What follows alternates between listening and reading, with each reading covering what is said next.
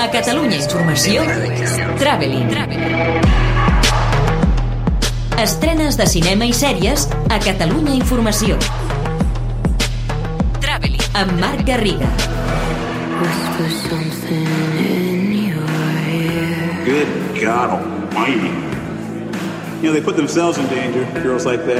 Una de les sensacions de la temporada ha de ser, sens dubte, Una joven prometedora, el film d'Emerald Fennell, que ha aconseguit 5 nominacions als Oscars i juntament amb Chloe Zhao fa un duet històric de dones nominades a la millor direcció. Kerry Mulligan, a qui li haurien hagut de ploure més premis, interpreta una jove traumatitzada per un fet del passat que es reinventa com a àngel exterminador que castiga els nois que fent cara de bon jan s'aprofiten de les noies que a causa de l'alcohol no estan en condicions de defensar-se. Un thriller per moments fascinant, una aposta valenta, molt atractiva, que acaba diluint-se una mica a mesura que avança, però que tomba amb el seu final implacable.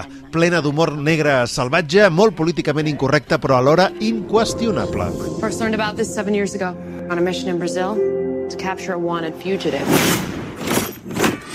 L'altra estrena destacada de la setmana és Mortal Kombat, la nova adaptació al cinema del famós videojoc d'arts marcials i fantasia creat als anys 90. No aporta res de nou a la versió que es va fer al 1995, però si aquesta té un mínim d'èxit, serà la primera d'una saga.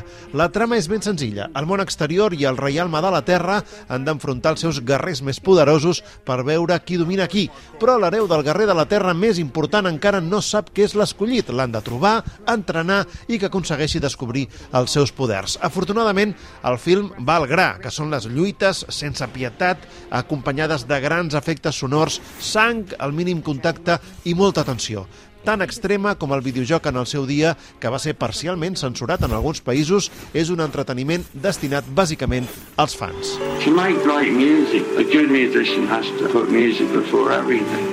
And that's what I've always done.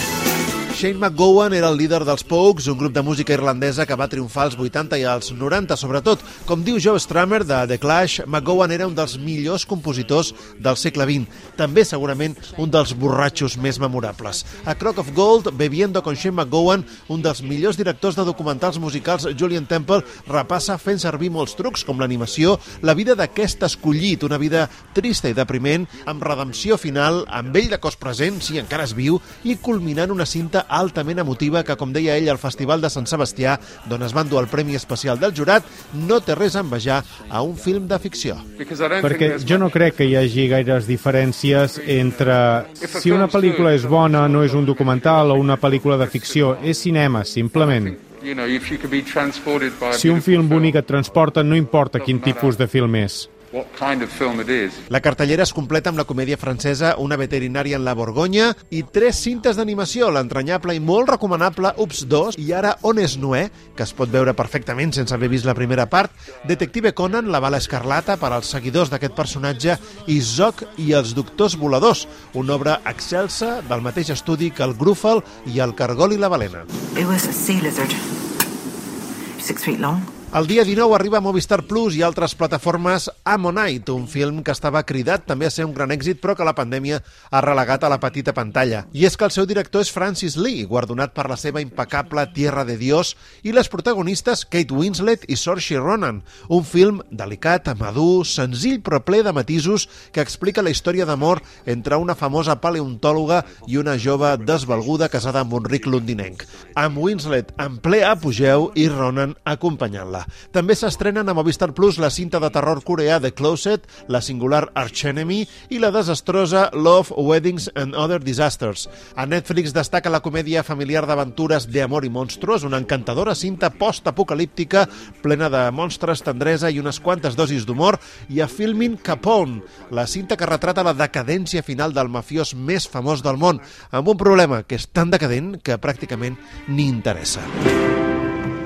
The Easttown Police Department received a call reporting a dead body in Freedom Creek. Finalment, pel que fa a sèries, HBO torna a triomfar aquesta setmana i Kate Winslet, novament protagonista i fent gala de les seves arts a Mayor of Easttown, que s'estrena el dia 19, on interpreta la detectiu d'un petit poble de Pennsylvania que investiga un crim mentre intenta sobreviure als problemes del dia a dia. Una sèrie per destapar fantasmes i cremar dimonis personals. També HBO, Bienvenidos a Outmark, des del dia 18, una producció d'ambientació noruega, també al voltant d'una petita comunitat amb uns personatges fascinants on arriba una nova mestra que haurà d'assimilar els conceptes que tenen de la vida, la mort o el gènere.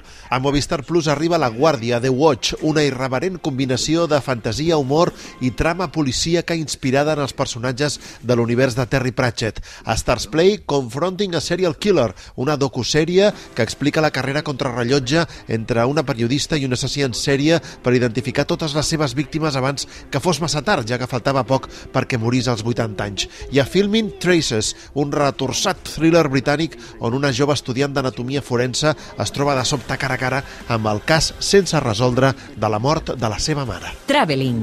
Estrenes de cinema i sèries a Catalunya Informació amb Marc Garriga. Everything